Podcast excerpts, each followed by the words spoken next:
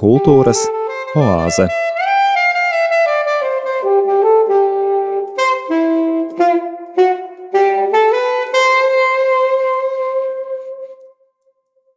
Esiet sveicināti, cienījamie radio Marija Latvija klausītāji! Klāt ētera laiks raidījumam Kultūras oāze, un ar jums sasveicinos es, raidījuma veidotājs un vadītājs Normons Zariņš. Šis sarežģītais laiks liek atskārst, ka latvietības būtība un līdz ar to arī kultūras izpratne laikā un telpā nav pastāvīgs lielums. Ir iezīmes, kuras ir pilnīgi izzudušas, ir vērtības, kuras pamazām pazūd, ir virkne īpašību, kas ienāk sadzīvē nepieciešamības diktētas. Lielai daļai cilvēks šķiet, ka ar kādām noteiktām nemainīgām etniskām iezīmēm un senu kultūru nav iespējams izdzīvot, jo noteicošais ir labas pielāgošanās spējas mainīgai videi un apstākļiem Mana dzīves pieredze rāda, ka to ir iespējams apvienot. Abas šīs dimensijas ir vienlīdz svarīgas un viena otru papildina. Plašāk par latviešu vērtību sistēmu cauri laikiem mana šīs dienas saruna ar raidījuma viešņu - akadēmiķi, doktori, profesori, Latvijas valsts eksprezidenti Vairu Vīķi Freibergu.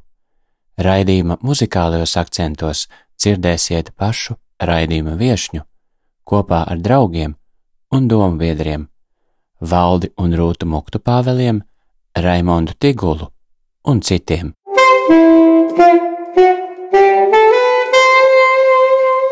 Kultūras oāze ar Normundu Zariņu. Mūsu sarunu iedvesmojas Vairas Vīķis Freibergas 2010. gadā publicētais eseju krājums Kultūra un latvietība, kas mani uzrunā apcerēji.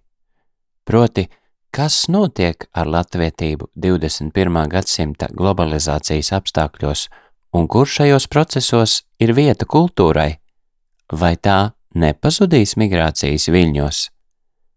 Atbild Vaira Vīķe Freiberga. Nu, kultūra ir varētu teikt, jebkuras vien kaut kādā veidā, vai nu geogrāfiski, vai politiski veidotas cilvēku vienības kopuma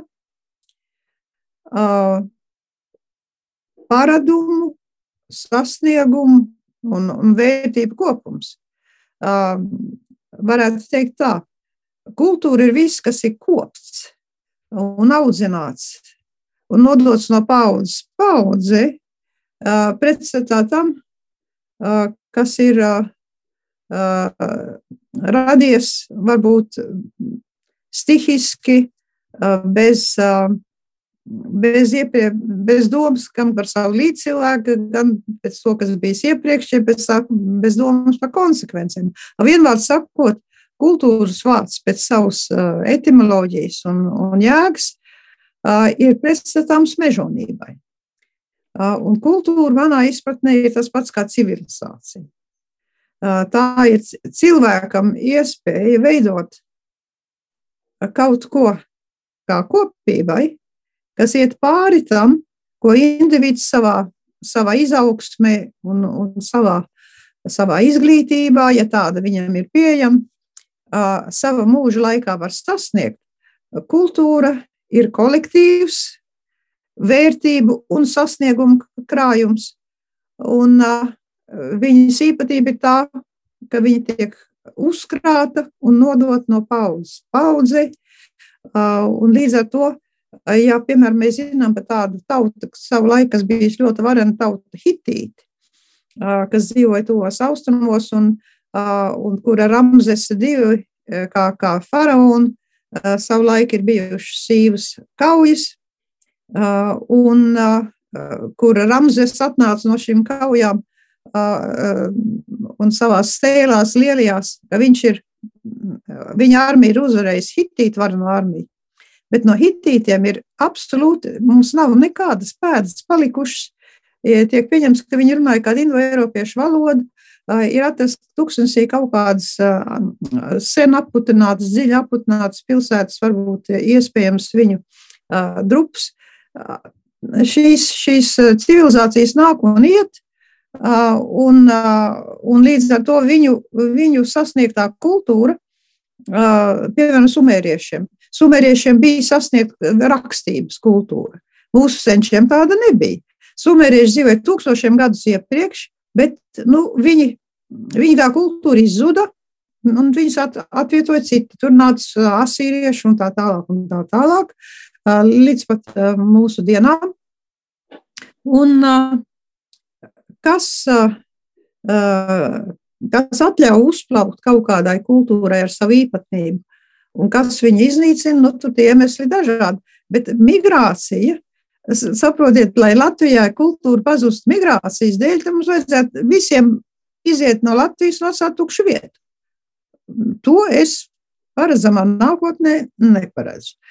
Ka mums diezgan ievērojams procents iedzīvotāju atveroties robežām uz pasauli un, un krītot dzelzs priekškarā, jā, dodas vai nu izglītības un pieredzes meklēšanas ceļos, jeb arī uz pastāvīgu dzīvi uz citām zemēm, es domāju, tā ir, varētu teikt, brīvības cena. Vai nu mēs dzīvojam ieslēgti un iežogoti, kā, kā dzīvnieks zvērdārzā, vai, vai mēs pieņemam, ka mums ir atvērtas robežas un, un cilvēki var brīvi par tām kustēties, un, un tie, kas vēlas dzīvot citur, ārpus geogrāfiskām Latvijas robežām. Tas ir daļa no viņu izvēles brīvības. Bet, nu, paldies Dievam, es nesaskatu, ka nu, absolūti visi Latvijas iedzīvotāji uzreiz, pat, redziet, pat otrā pasaules kara laikā, kad tik ļoti daudz jau bija redzējuši, kādas ir uh, staļiniskā režīma uh, represijas pret latviešu tautu un kādas risks, viņa, kādiem riskiem viņiem bija jārēķinās, tā skaitā ar iespējamu deportāciju bez nekāda iemesla īpaši. Nu, visi neaizbrauc. Palika pat, pat tādos apstākļos. Lielu briesmu gadījumā mani vecāki, piemēram, mamma runāja ar savām māsām, Un divas māsas nolēma palikt. Viena māsa, mana māte, nolēma aizbraukt. Ja viņa teica, viņa nevar dzīvot zem sistēmas, kas saka, ka balts ir melns un melns ir balts. Viņai tas nav, un kas, arī, kas, nav, kas ir attīstiski, viņai tas arī traucē. Citi tur pēc tam, ieskaitot vecumā, teica, ko, ko tad mani dzīvnieciņi, kas baros manas gotiņas un tā tālāk, un beigās fronte tur gāja pāri, noslaucīja visu, nogalināja dzīvniekus, viņiem atņēma, bumba uzkrita uz, uz jauncelto dzīvojamo māju, un viņi nobeidz dzīvi šaušalīgā nabadzībā. Un, un, un tādos pašos apstākļos kā pēc Pirmā pasaules kara. Tās bija, tās bija tās izvēles. Kultūra nevar pazust migrācijas, tas, tas, tas ir pilnīgi skaidrs.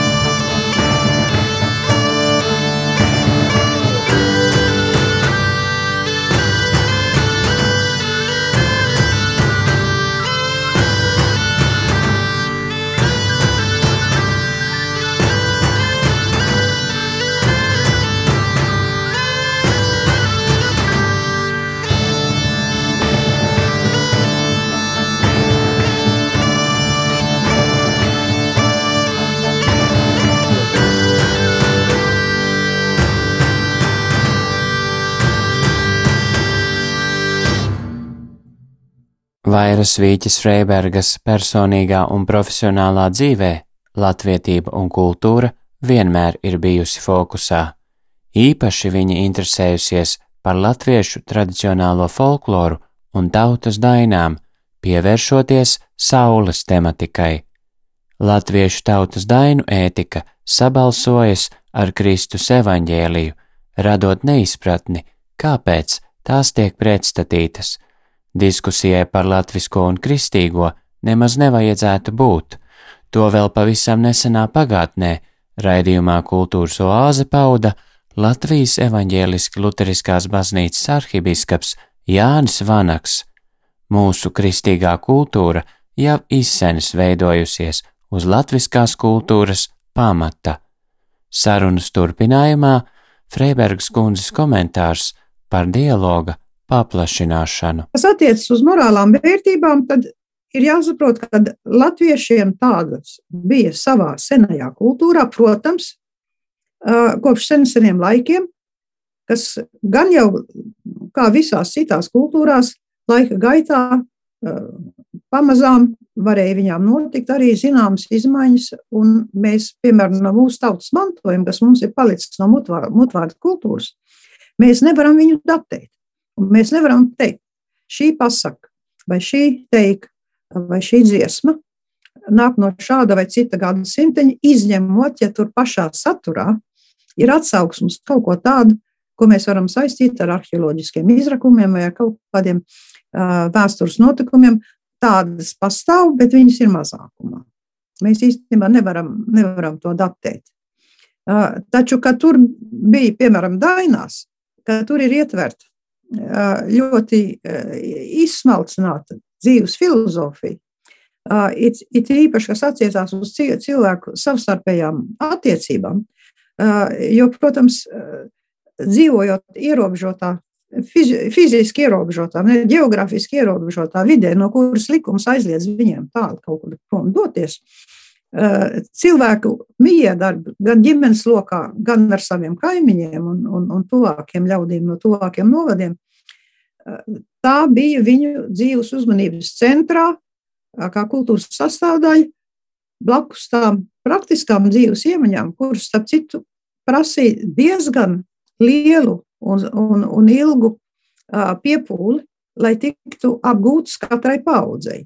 Es, piemēram, ja mani tagad izmestu Latvijas mežā ar, ar ar 19 hektāriem, kā manu vectēvu, pēc Pirmā pasaules kara, kad viņš atnāca no, no Vācu gūstu, viņam, viņš, viņš ieguva 19,5 hektārus purvainas un mežainas zemes.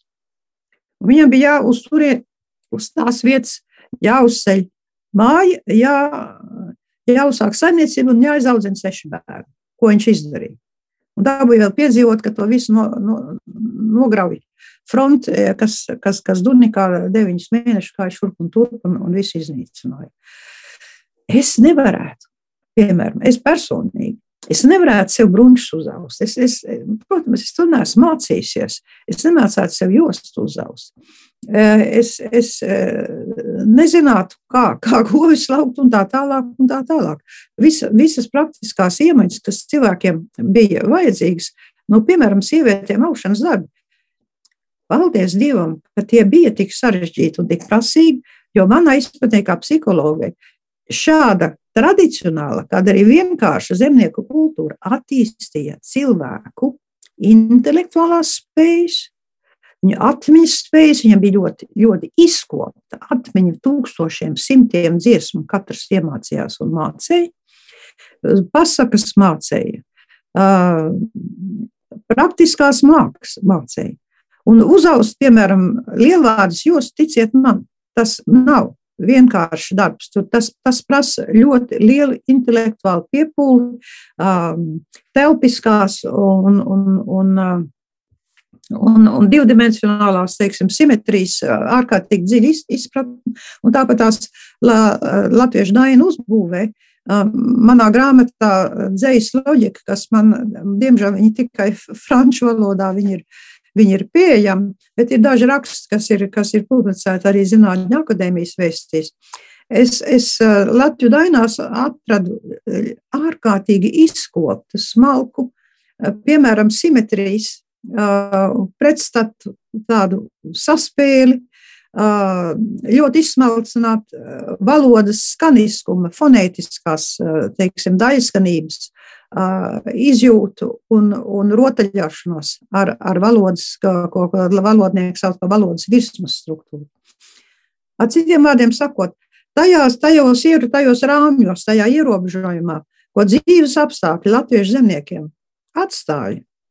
Pretēji tam, kas vispār daudzās valstīs ir pieņemts, ka zemnieki ir truli, neaptēsti, brutāli un, un, un nežēlīgi. Emīļa Zolā, piemēram, ir viens romāns, kas saucās Latvijas zeme, ko es kā pusaudze lasīju, un, un, un, un viņš ir vienkārši šausminošs. Viņš apraksta zemniekus kā, kā, kā vienkārši manās, manās acīs, kā briesmoņus, kas zemes dēļ un praktiskā tā labuma dēļ ir eh, briesmu darbs gatavi darīt.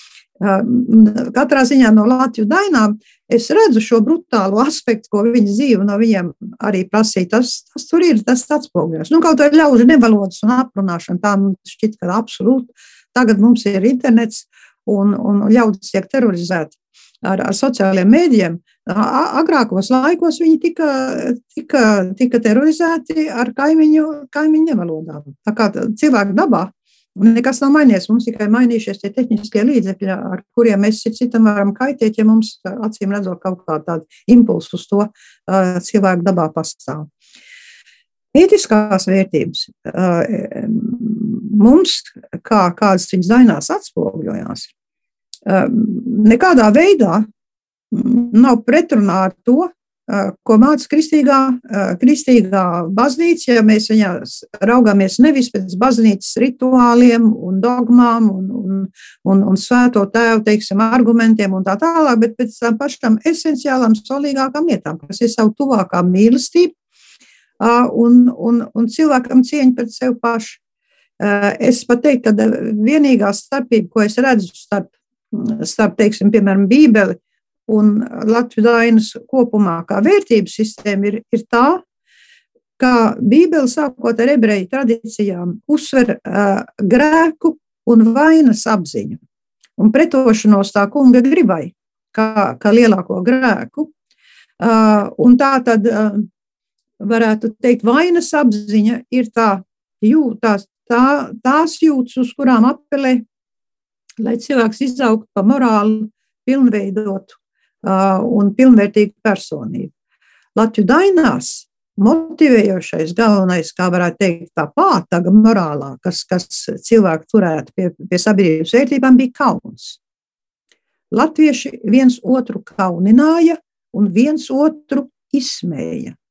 Bet uh, vārds grēks uh, parādās ļoti mazā skaitā dziesmu, un tad var redzēt, ka viņš, viņš nav domāts teiksim, tīri tādā kristīgā teoloģiskā izpratnē. Gandrīz tā kā tā, tāda parodija, ne, ka me, meitām liels grēks, ka viņas ceturtdienas vakarā vēr dzīvi ratiņos. Bet tas grēks, saprotiet, nav pret kristīgo baznīcu, tas ir pret, pret senu ticējumu, ka ceturtais, ceturtdienas vakars, jeb piektvakars ir sievietēm atvēlams laimes, dievietes laimes, tātad pirmskristīgās politeistas lievietes laimes kultam, kā sieviešu īpašajā aizstāvē. Un tātad ir noticis sinkrētisms, kur, kur ir savests kopā šie, šie divi mantojumi, kas ir neizbēgami, jo, protams, līdz ar to, ka, piemēram, vecais stenders iemācījās latviešu valodu, vecais stenders centās saviem amatbrāļiem teikt, ka, lai latviešus kristianizētu, ir, ir vajadzīgs ar viņiem runāt latviešu valodā, tādā valodā, ko viņi saprot. Tad sāk notika tāda ļoti ievērojama iedarba starp to latvisko mantojumu un tā ētiskām vērtībām un kristīgo mantojumu ar tā ētiskām vērtībām. Un notika arī tajā pašā laikā varētu teikt, negatīvā puse no kristiānisma arī, arī parādījās, kā piemēram raganu vajāšana. pēdējā ragana Latvijā tika sadedzināta 18. gadsimta otrā pusē. Tas ir visai ļoti nesen. Un vēl, vēl 19. gadsimta beigās bija mācītāji, kas cirta, postīja dabu, cirzdam dižkokus, dižozolus un dižlieps, tam dēļ, ka bija ļaudis no, no, no tautas, kas pie viņiem gāja un, un lika, lika kaut kādas ziedojumus un uzstītos par, par elku, elku parādībām. Tā kā zināmas pretestības, ja pretišķības pastāvēja, jā, Un tā pašā laikā notika arī mierdarbi, kura zināmos aspektos bija ļoti pozitīva, jo, ja mēs tagad ar savu izvēles brīvību, kāda mums kā moderniem cilvēkiem pieder, ja, nu mēs varam tagad teikt, ne, pie kristietības man, man patīk doma, ka mēs visi esam Dieva bērni un ka mums pieder Dieva žēlastība. Bet es nepieņemu to domu, ka kādai inkvizīcijai ir tiesības cilvēkus vajāt, spīdzināt, jeb dedzināt sārtā. Es absolūti noraidu tādas kristietības izpausmes, un, un, un man viņas tiek antihumānas un, un noziegumi pret cilvēci vispār, ja, ja, ja tehniski izsakoties. Ja. Tāpat tā kā nu, pagānismā tieši tie māņķidzības elementi, kas likt cilvēkiem, un sapīt, māņķidzības elementi saplūda no kristietības un, un no, un no pirmskristietības. Var redzēt raganu prāvās cilvēkiem vienkārši nedrošība un bailes. Tas tāpat tagad mēs redzam pandēmijas laikā, kā cilvēki, kad viņi bīstās par savu, par savu un savas ģimenes veselību un dzīvību ka cilvēkiem izpaužās šīs, šīs bailes, transformējas kādreiz tādā aizdomās, aizdomās pret citiem, agresivitātei pret citiem. Un, un, un šī kaimiņa nosūdzēšana, ka viņš ir bijis burvis, ka viņš man bija neražs, tas tāpēc, ka viņš gāja manam manām rudzu laukam galām, garām un nošņauts degunu, un, un pēc tam man sakrita mani rudzu veldrē, tā tad viņš ir vainīgs un tādā garā. Ne? Šodien arī notiek tāda vainīgo meklēšana un, un kā, kā, savu, kā es to uzskatu, savu, savu eksistenciālo baiļu un, un savu reālo. Nu, pandēmijas laikā, jā, nu, cilvēki visi dzīvo riska, riska apstākļos saslimt uh, un saslimt uh, tā kā tādā krievu loterijā, krievu nu, ruletē, nezinot, ka, vai tā būs viegla slimība, vai tā būs vidēji smaga, vai viņa būs letāla. Mēs to nezinām. Un tas rada nedrošību, un tas, tas rada, uh, es domāju, vai nu apzināts, vai arī zemapziņā apspiests bailes, kas, kas sabiedrība, kas tā kā sašūpo sabiedrību.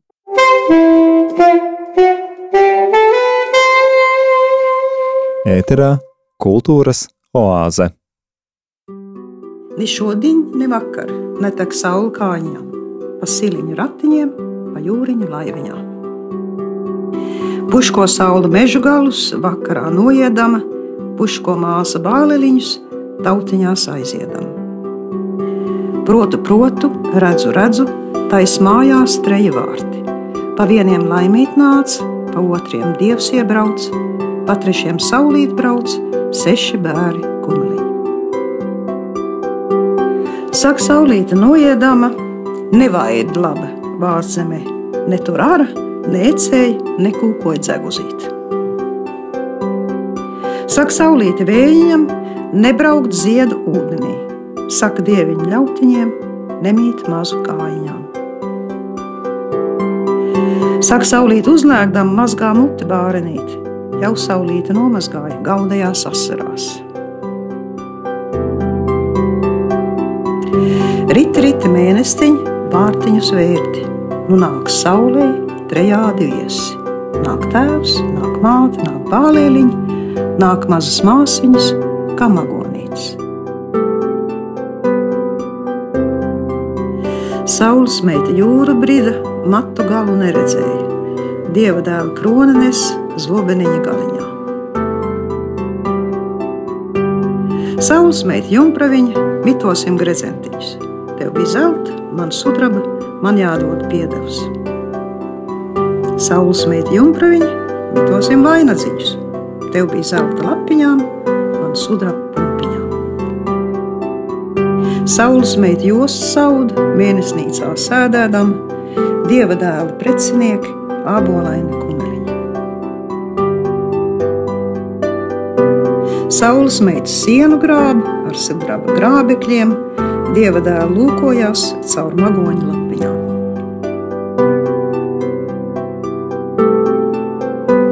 Saules meita, saules meita mazgā baltu liepu galdu, rītujās dieva dēli, liepu galdu rībināt. Saulīt balta māmuliņa, es nevaru šeit dzīvot. Visi mani rājējiņi, nav neviena žēlota.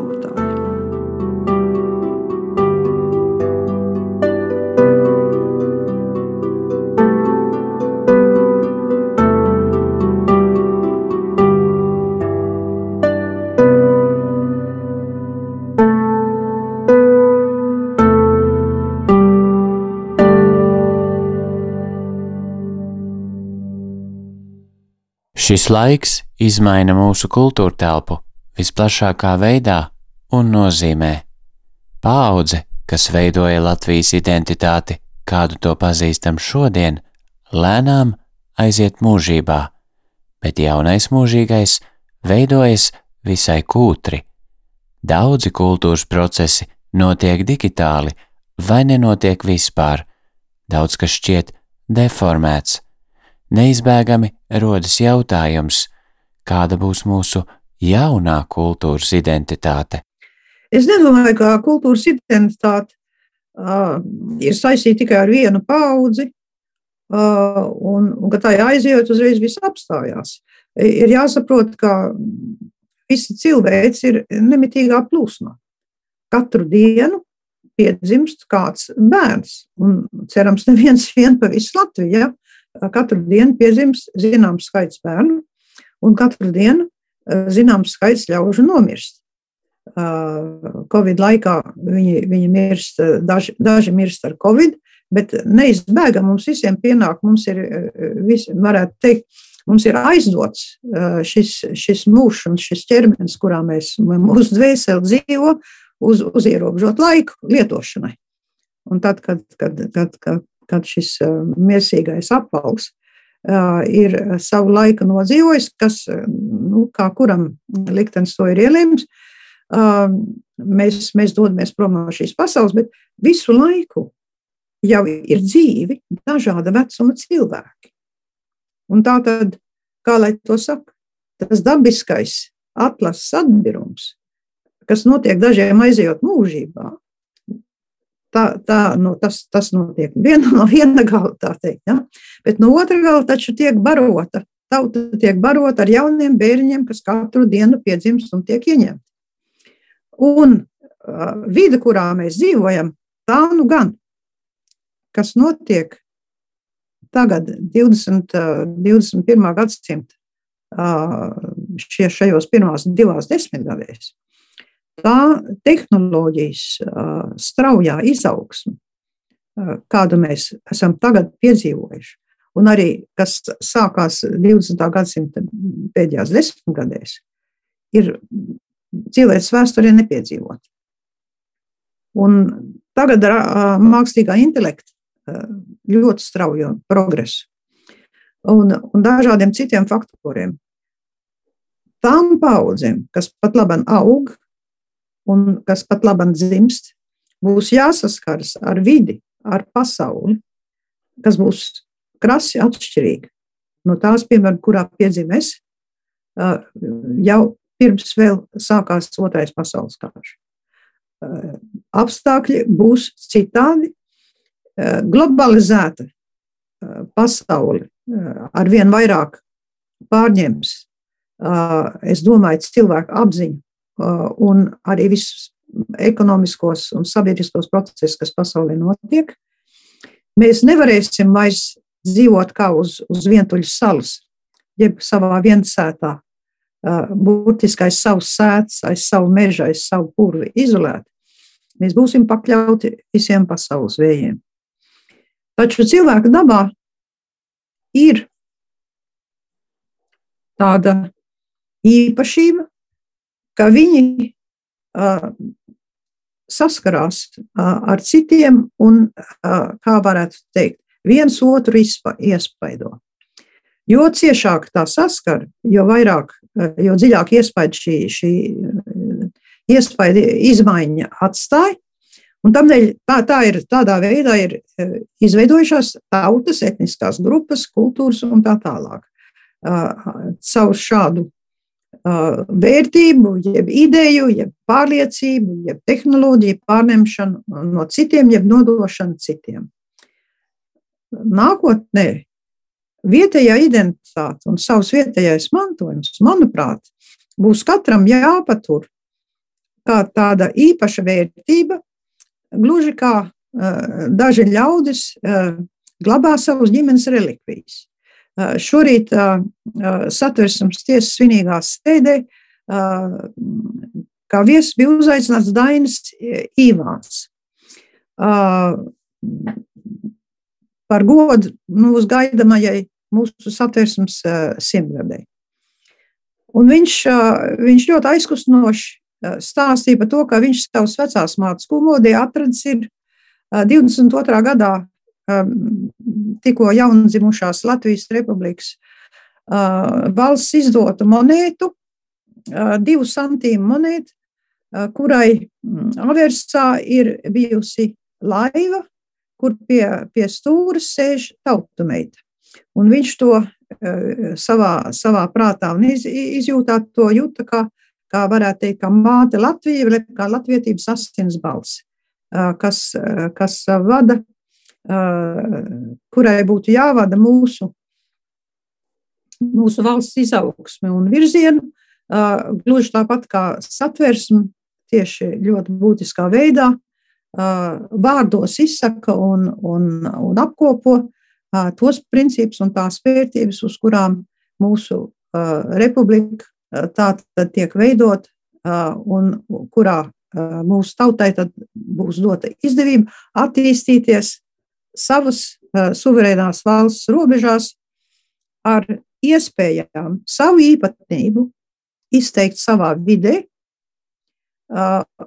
bez svešu ļaužu uzspiestas prasības kaut ko darīt, kas ir pret viņiem, un, ar, un arī bez vajadzības, teiksim, to iet un citiem pārdot.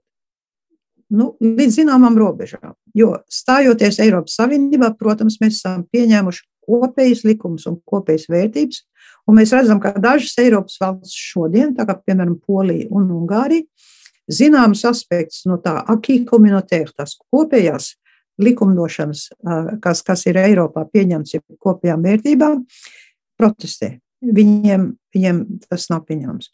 Un es domāju, tas ir izaugsms process, no kura mēs izbēgt nevaram, ar kuru mums ir, sakot, viņam jāskatās acīs, vai ne? Un, un viņš jācenšas risināt. Tautām ir vērtības, kas viņām tieši ir savā mantojumā, un viņi, šis tautiskais mantojums ir, ir tikpat vērtīgs, kā, teiksim, ja kāds, kāds ir mantojis karaļnamos, ir, ir dārgumu krājumi, tur ir, tur ir rubīne un, un, un safīri un, un smaragdi un dimanti, un visādas dārgas rotas un pilis, zelta rotātas un, un, un smalks mēbeles un trauki un, un viss kaut kas cits, un viņi to glabā kā svētu savu mantojumu.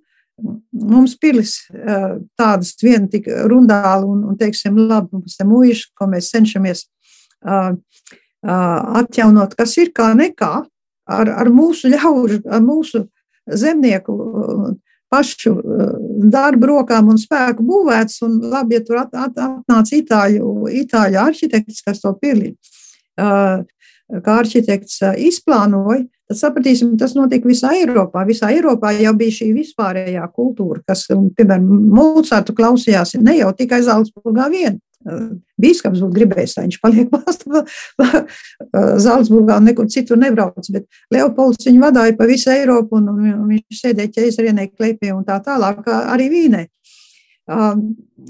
Mums būs nākotnē.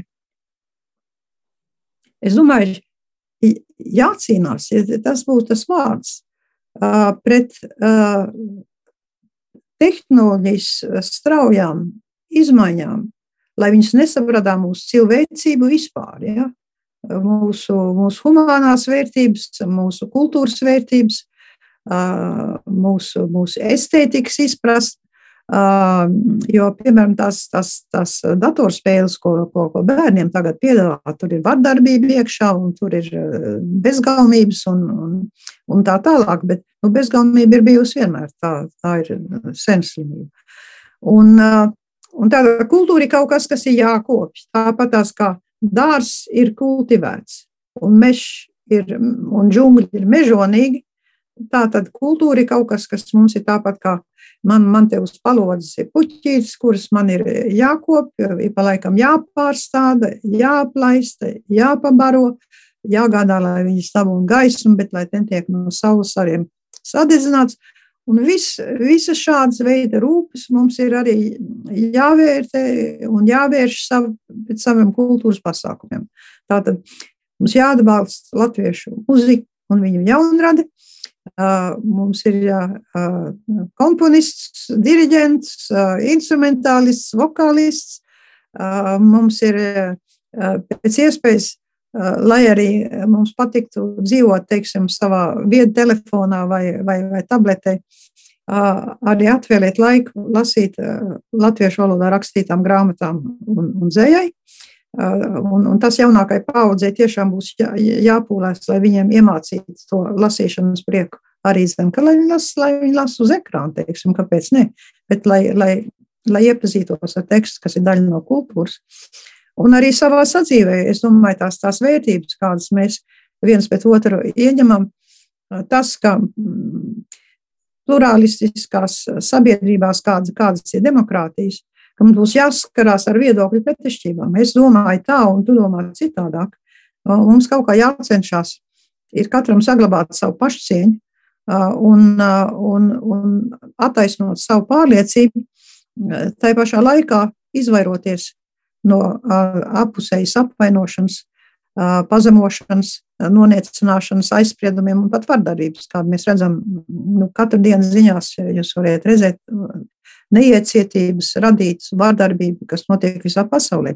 Un tā ir cilvēcei, es domāju, nopietna sērga, pret kuru es redzu, ja mums būtu jāuzstāda virs uzdevums nākošiem simts gadiem cilvēcei kā tādai, tad tā būtu šī vardarbības, vardarbības gēna iespaida mazināšana sabiedrībās, kaut kādā veidā cenšoties no, no agras mazotnes gādāt par to, lai cilvēks uzaugtu ar pietiekamu pašcieņu, lai viņam nebūtu citiem jādara pāri, lai, lai sevi ap, apstiprināt un, un, un, un pats sevi iedrošināt. Tā, tā, tas būtu, kā es redzu, nākotnes teikt, virs uzdevumu, kas būtu kopējs visai cilvēcei un, un visām tautām un kultūrām.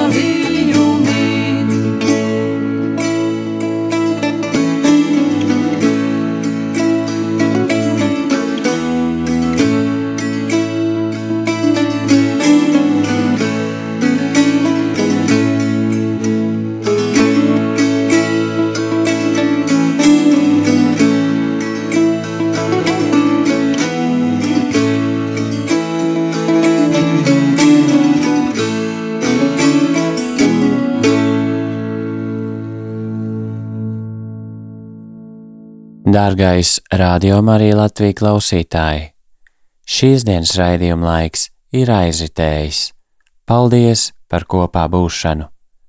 Apkopojot šīs dienas sarunu, atkal no jauna nāks apjaust, ka neatkarīgi no katra konkrētā laika posma un notikumiem cilvēces vēstures gaitā, tieši dievišķais garīgums, ciešā miedarbībā ar tautiskumu apziņu dažādos kultūras procesos, liek mums intelektuāli pilnveidoties un līdzdarbojoties paliek kā nemainīgs lielums ceļā uz pilnību. Uz sadzirdēšanos atkal jau 15. martā, pulkstens 17. kad gavēņa laika sarunā tiksimies ar latviešu kinorežisoru, aktieri, rakstnieku, publicistu, gleznotāju un sabiedrisko darbinieku Jāni Streiču.